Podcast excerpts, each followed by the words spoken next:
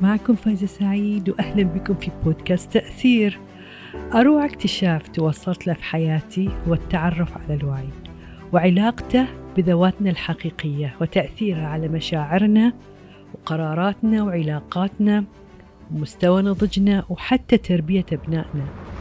كل حلقة من حلقات بودكاست تأثير راح أكلمكم عن قصص وتجارب وتحديات ملهمة ومؤثرة سواء أنا مريت فيها شخصيا أو أنقلها من مصادرها بكل إخلاص وشفافية. هدفي أن يكون هناك تأثير إيجابي ليضيف شيء جميل في حياتكم ويلهمكم في اتخاذ قراراتكم المصيرية. تعالوا معي في هذه الرحلة اللي راح أشارككم تفاصيل محطاتها بكل شغف وعفوية وحب. أهلا بكم في بودكاست تأثير مع فايزة سعيد. اليوم راح نتكلم عن العادة الثالثة من العادات السبعة للناس أكثر فعالية وهي عادة ضع الأهم قبل المهم. هذه العادة نسميها إحنا عادة الإدارة الشخصية. بعد ما وضعنا الرؤية الشخصية لحياتنا النتائج اللي نبي نشوفها في حياتنا الهدف السامي والأهم والرسالة المهمة في حياتنا.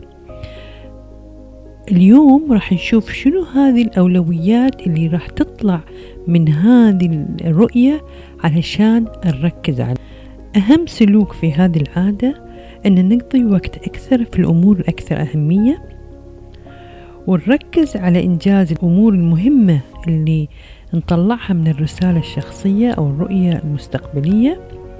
وعلى أساسها نضع خطط أسبوعية. هذه آخر عادة تأخذنا من مستوى النضج الأول المستوى الاتكالي إلى المستوى النضج الثاني اللي هو الاستقلالية. فإذا كنت أنت مبادر وضعت رؤيتك المستقبلية الحين راح تعرف شلون تضع الأهم قبل المهم. وكأنه مثل بسيط. العادة الأولية كن مبادر وكأنك أنت مثلا مبرمج. العادة الثانية ابدأ والغاية في ذهنك ووضع رؤيتك المستقبلية أو الشخصية وكأن هذا البرنامج. العادة الثالثة هو تنفيذ البرنامج اللي وضعته.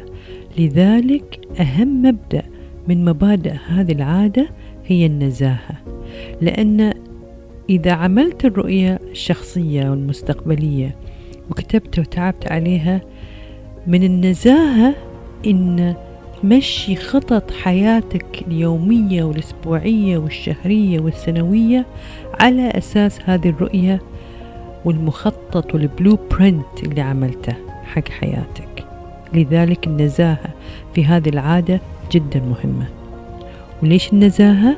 لأن إلى الآن إحنا في النصر الشخصي نصري أنا. ما حد بيعرف عنه. أنا أعرف وين أركز. هل أركز على الأشياء المهمة اللي جاية من رؤيتي المستقبلية أو أركز على الأشياء الطارئة أو الغير مهمة؟ ما حد بيعرف غيري أنا. لذلك النزاهة مهمة في هذه العادة. فهي بالفعل العادة اللي راح تساعدك على تحقيق رسالتك في الحياة. المنظور الشائع اللي الناس الطريقة اللي تفكر فيها والخرائط الذهنية للناس تتبناها أن أقضي وقتي في إنجاز الأمور الملحة الأمور الطارئة. وراح نعرف الفرق بين الأمور الطارئة والأمور المهمة. كثير منا يركز يوميا على إخماد الحرائق. يطلع من تشالنج لتشالنج ومن مشكلة لمشكلة. ومن اجتماع لاجتماع ومن ومن زيارة لزيارة ومن من وكأن الحياة كلها حل مشاكل. أنتظر المشكلة تصير علشان أبتدي أحلها. أنتظر المرض يصير علشان أبتدي أعالجه. وهذا بعيد جدا على كونك أنت مبادر. الناس المبادرين ما يقضون وقت كثير في إخماد الحرائق. ليش؟ لأن هناك في استعداد لأن هناك في تخطيط. إذا التخطيط اللي راح نتكلم عنه اليوم راح يخليك إنسان مبادر. ما تنتظر تنقضي حياتك كلها عشان تعرف أوه أنا ما حققت شيء. أنا كان ودي أسوي هالأشياء. وياما ناس وصلوا لآخر مراحل حياتهم اكتشفوا أن هناك أمور كثيرة مهمة بالنسبة لهم ما ركزوا عليها. فإذا هذه العادة راح تساعدك على التركيز على أهم الأشياء على رسالتك على النتائج اللي تبيها على نوعية حياتك اللي تبي لك وللناس اللي تحبهم من حولك. فالمنظور عالي الفعالية أني أقضي أغلب وقتي في إنجاز الأمور الأكثر أهمية الأمور اللي جاية من رسالتي الشخصية. كذلك نضع خطط أسبوعية ونتابعها. يقول مهاتما غاندي الأفعال تعبر عن الأولويات. هني في كونسبت بسيط أبي أوصله لكم وهو الفرق ما بين البوصلة والساعة. الساعة تمثل الجدولة جدولة الوقت. متى أسوي شنو؟ في أي وقت. متى أسوي شيء قبل الشيء الثاني؟ شنو my things to do بينما البوصلة هي توجهي هي رسالتي هي الشمال اللي لازم توجه له أو أركز عليه. إحنا تبنينا الساعة ونسينا البوصلة. وظلت أكثر الناس يقضون وقتهم في things to do. لستة المهام اللي لازم يسوونها لكن على أي أساس؟ ما في توجه معين ما في كامبس ما في بوصلة تأتي منها هذه الأمور. الكامبس طبعا البوصلة جات من العادة الثانية اللي هي رؤيتنا المستقبلية أو رؤيتنا الشخصية اللي على أساسه نحدد الأمور الأكثر أهمية. خلونا نقارن ما بين الأمور المهمة والأمور العاجلة. الأمور المهمة هي الأنشطة اللي تتمثل أولوياتنا أهدافنا قيمنا رسالتنا في الحياة. بينما الأمور العاجلة الطارئة هي الأنشطة التي تتطلب اهتمام فوري والآن. هذه ما نقدر طبعا نمحيها راح تكون موجودة ولكن تركيزنا يكون على أولوياتنا المهمة اللي جاية من قيمنا وأهدافنا ورسالتنا في الحياة. راح نتكلم هنا عن علاقة جميلة جدا ما بين الأنشطة المهمة وغير مهمة والأنشطة العاجلة والغير عاجلة. وراح يكون هناك time management concept جديد جدا عن ال time management القديم اللي كان يركز على الأنشطة وشلون نحطها على أساس نسويها أو شلون نجدولها في ال time management اللي راح نتكلم عنه الآن ما تكون هناك أنشطة أو أمور تسويها قبل ما يكون هناك compass يعني راح يكون في ساعة وجدولة الوقت والأمور اللي تسويها لكن عقب ما وضعنا البوصلة أو الرؤية الشخصية وعلى أساسه استخرجنا الأشياء الأكثر أهمية الأشياء الأكثر أهمية هني بنسميها استعارة كأنها الصخور الكبيرة. بقول لكم ليش سميناها الصخور الكبيرة. الشخص الفعال يركز على الأولويات وليس على الأزمات. وسوف نتعلم خلال التركيز على الأولويات time management أو تنظيم وقت عجيب. راح يغير ال concept القديم في ال time management أو تنظيم الوقت. أبيكم إذا أنتم مو تسوقون في البيت أو في مكتبكم تجيب ورقة وقلم وترسم مربع كبير في الورقة. في داخل هذا المربع ارسم خطين خط عمودي وخط أفقي وكأن عندك أربع مربعات صغار داخل المربع الكبير.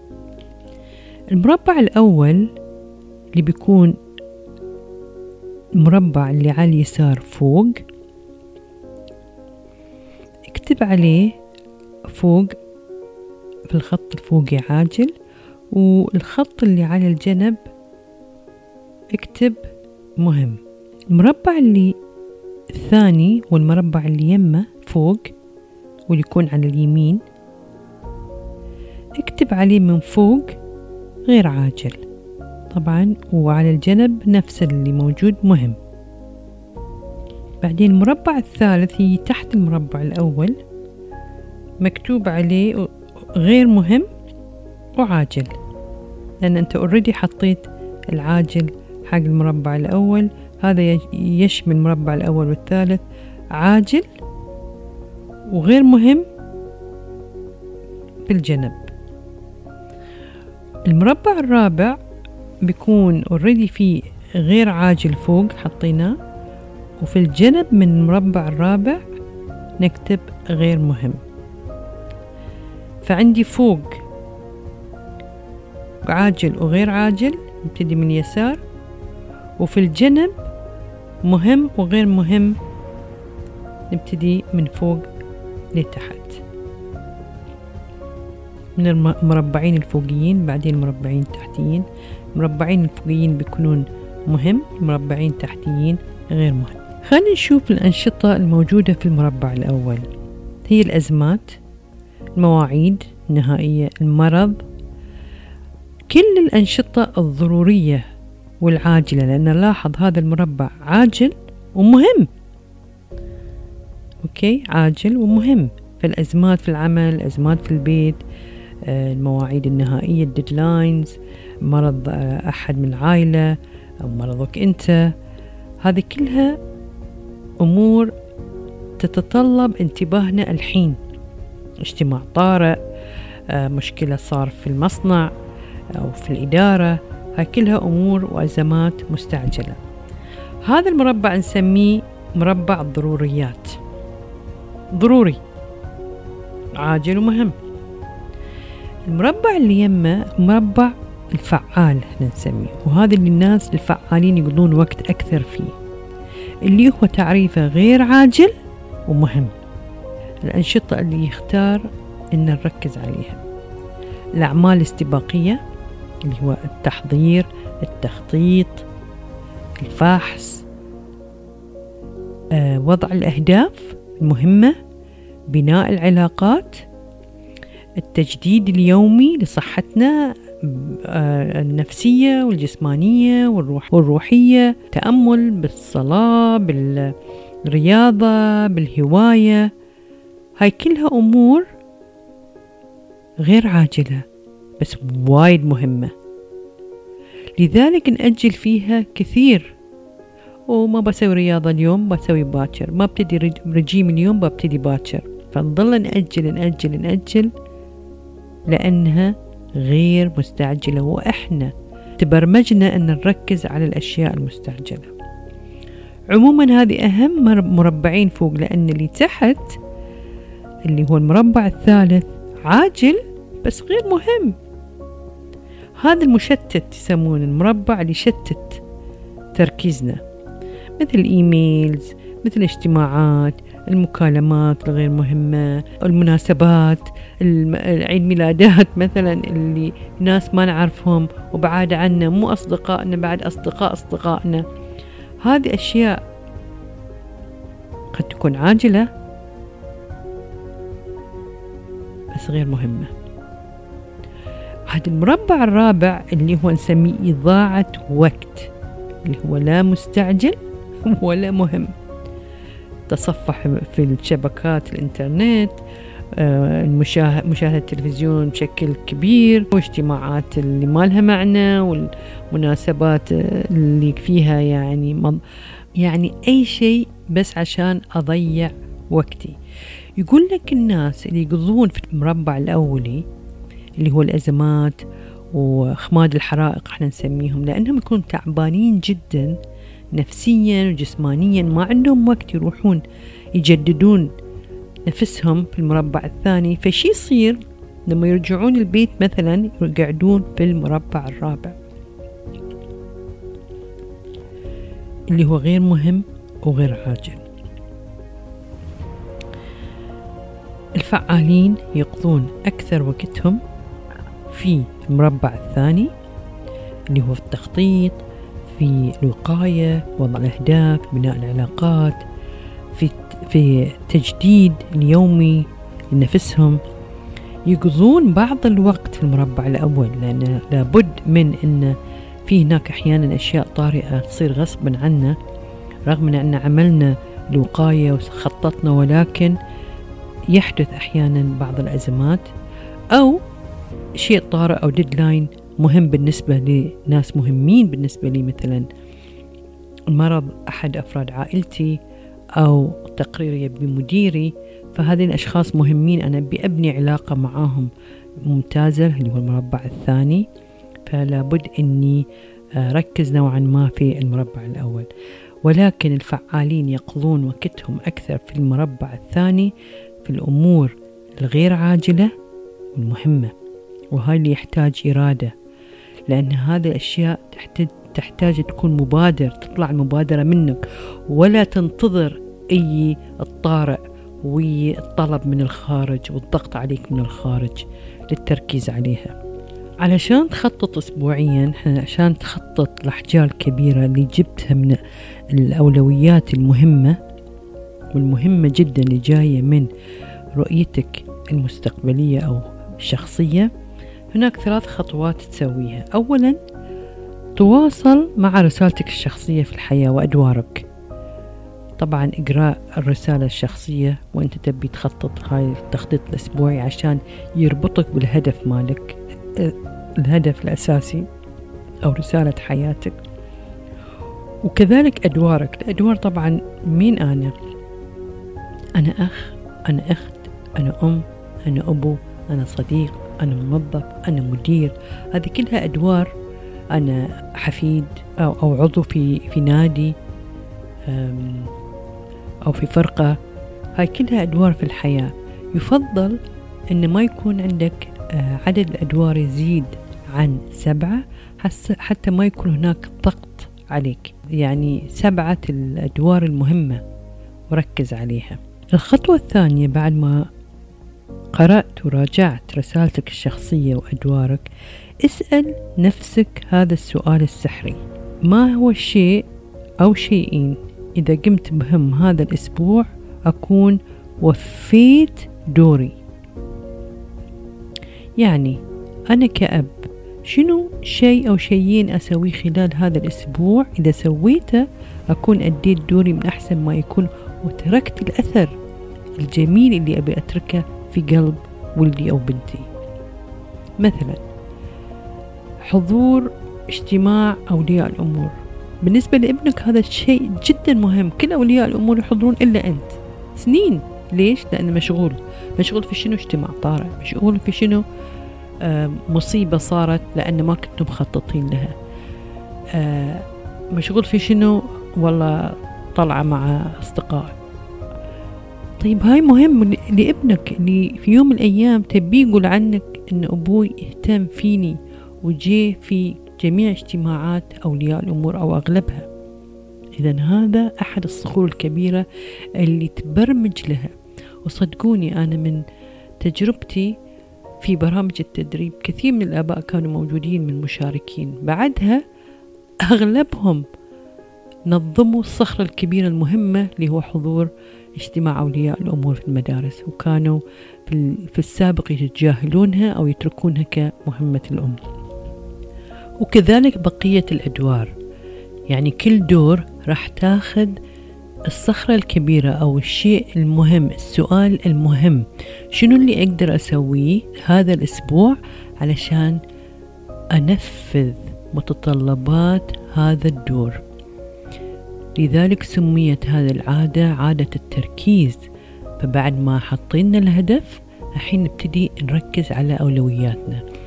وهذه العادة أصلا تخلق التوازن. وهذا الفرق ما بين النجاح والفعالية.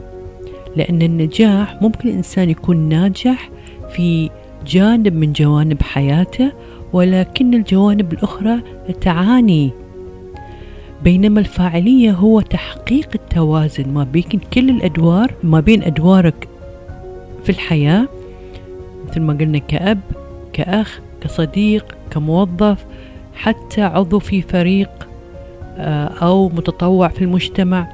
فكلها أدوار مفروض ما يزيد ما يزيد عن سبعة وكل دور نطلع المهمة الأساسية خلال ذاك الأسبوع. وفي وفي كل دور تحدد هذا السؤال السحري مثل هذا السؤال السحري شنو أقدر أسويه هذا الأسبوع؟ قد تكون كموظف تحتاج تسوي التقرير المالي ذاك الأسبوع فتركز عليه وما تخلي مشتتات أخرى تبعدك عن هذا الموضوع لأن الحياة مليانة أشياء ممكن تشتتنا لذلك هذه العادة تساعد على التركيز وتساعد على إيجاد الصخرة الكبيرة لكل دور من أدوارنا علشان نخلق التوازن اللي هو أساس الفعالية. إذا ملخص العادة هي بعد ما تتواصل مع رسالتك الشخصية اللي كتبتها وجهزتها كأول دستور لك في الحياة في العادة الثانية حدد أدوارك في العادة الثالثة وتقرر شنو الأشياء المهمة اللي ممكن أنجزها في هذا الأسبوع علشان أخدم هذا الدور علشان أخلق التوازن لهذا الدور اللي راح يأثر على توازن حياتك كلها. وبعد ما نحدد الصخور الكبيرة نقوم نوزعها خلال الأسبوع. فإذا هي سبعة آه، صخور كبيرة ممكن تتوزع صخرة كل يوم فأتفنن في الموضوع. يوم السبت أخذهم إجازة فأطلعهم وأقضي quality time يوم الأحد أركز على التقرير المالي. يوم الاثنين آه، أزور أصدقائي. يوم الثلاثة فكل شخص يأثر عليك وتأثر عليه يعتبر من تيك هولدرز ولك دور مهم في هذا الموضوع. فالسؤال شنو أقدر أسوي خلال هذا الأسبوع؟ علشان أكون أديت الدور اللي علي على أحسن ما يكون. أهم النصائح صراحة اللي واحد ممكن يتبعها في هذه العادة وإحنا نسميها على فكرة عادة النزاهة لأن بعد ما تحط ال mission statement رسالتك النزاهة إتجي في عملية التنفيذ. لأن ممكن تحط ال mission statement أو أهدافك وتلهي بأشياء أخرى. لذلك قلنا هذه العادة راح تخلق التوازن وراح يخليك تركز على الأهم حتى قبل المهم. أهم النصايح أنك تخطط في الأسبوع قبل بدايته. يعني يفضل آه، تخطيط الأسبوع آه، آخر مساء في ال weekend. يعني قلنا ال weekend يوم السبت. تقضي ساعة في مكان هادئ تبتدي تطلع الأدوار مالك خلال الأسبوع والصخرة الكبيرة على كل دور وتوزعها خلال الأسبوع. ليش قبل؟ ليش قبل لا يبتدي الأسبوع؟ لأن أول ما يبتدي الأسبوع يبتدي ال urgent things يبتدي الأشياء الطارئة. بتبتدي التلفونات تبتدي الإيميلات تبتدي الاجتماعات. فإذا كان عندك ال plan واضح قبل بداية الأسبوع فأنت بتكون in control. أنت المتحكم في الوقت أنت المتحكم في الإنجاز أنت المتحكم في التوازن الموجود في حياتك. يقول ستيفن كافي إذا سألتني ما الممارسة التي من شأنها إحداث التوازن المطلوب في حياتك وزيادة مستوى إنتاجيتك أكثر من أي ممارسة أخرى فستكون إجابتي لك خطط لأسبوعك كل أسبوع قبل الأسبوع لا يبتدي. وشكرا لكم وأهلا بكم في بودكاست تأثير مع فايدة سعيد. يقول ستيفن كافي في كتابه العادة الثامنة إن العظمة هي أن تجد صوتك وتلهم الآخرين أن يجدوا أصواتهم. وأنا هني راح أجعل صوتي يلهم أصواتكم. لكم مني كل حب وسلام وأهلا بكم في بودكاست تأثير.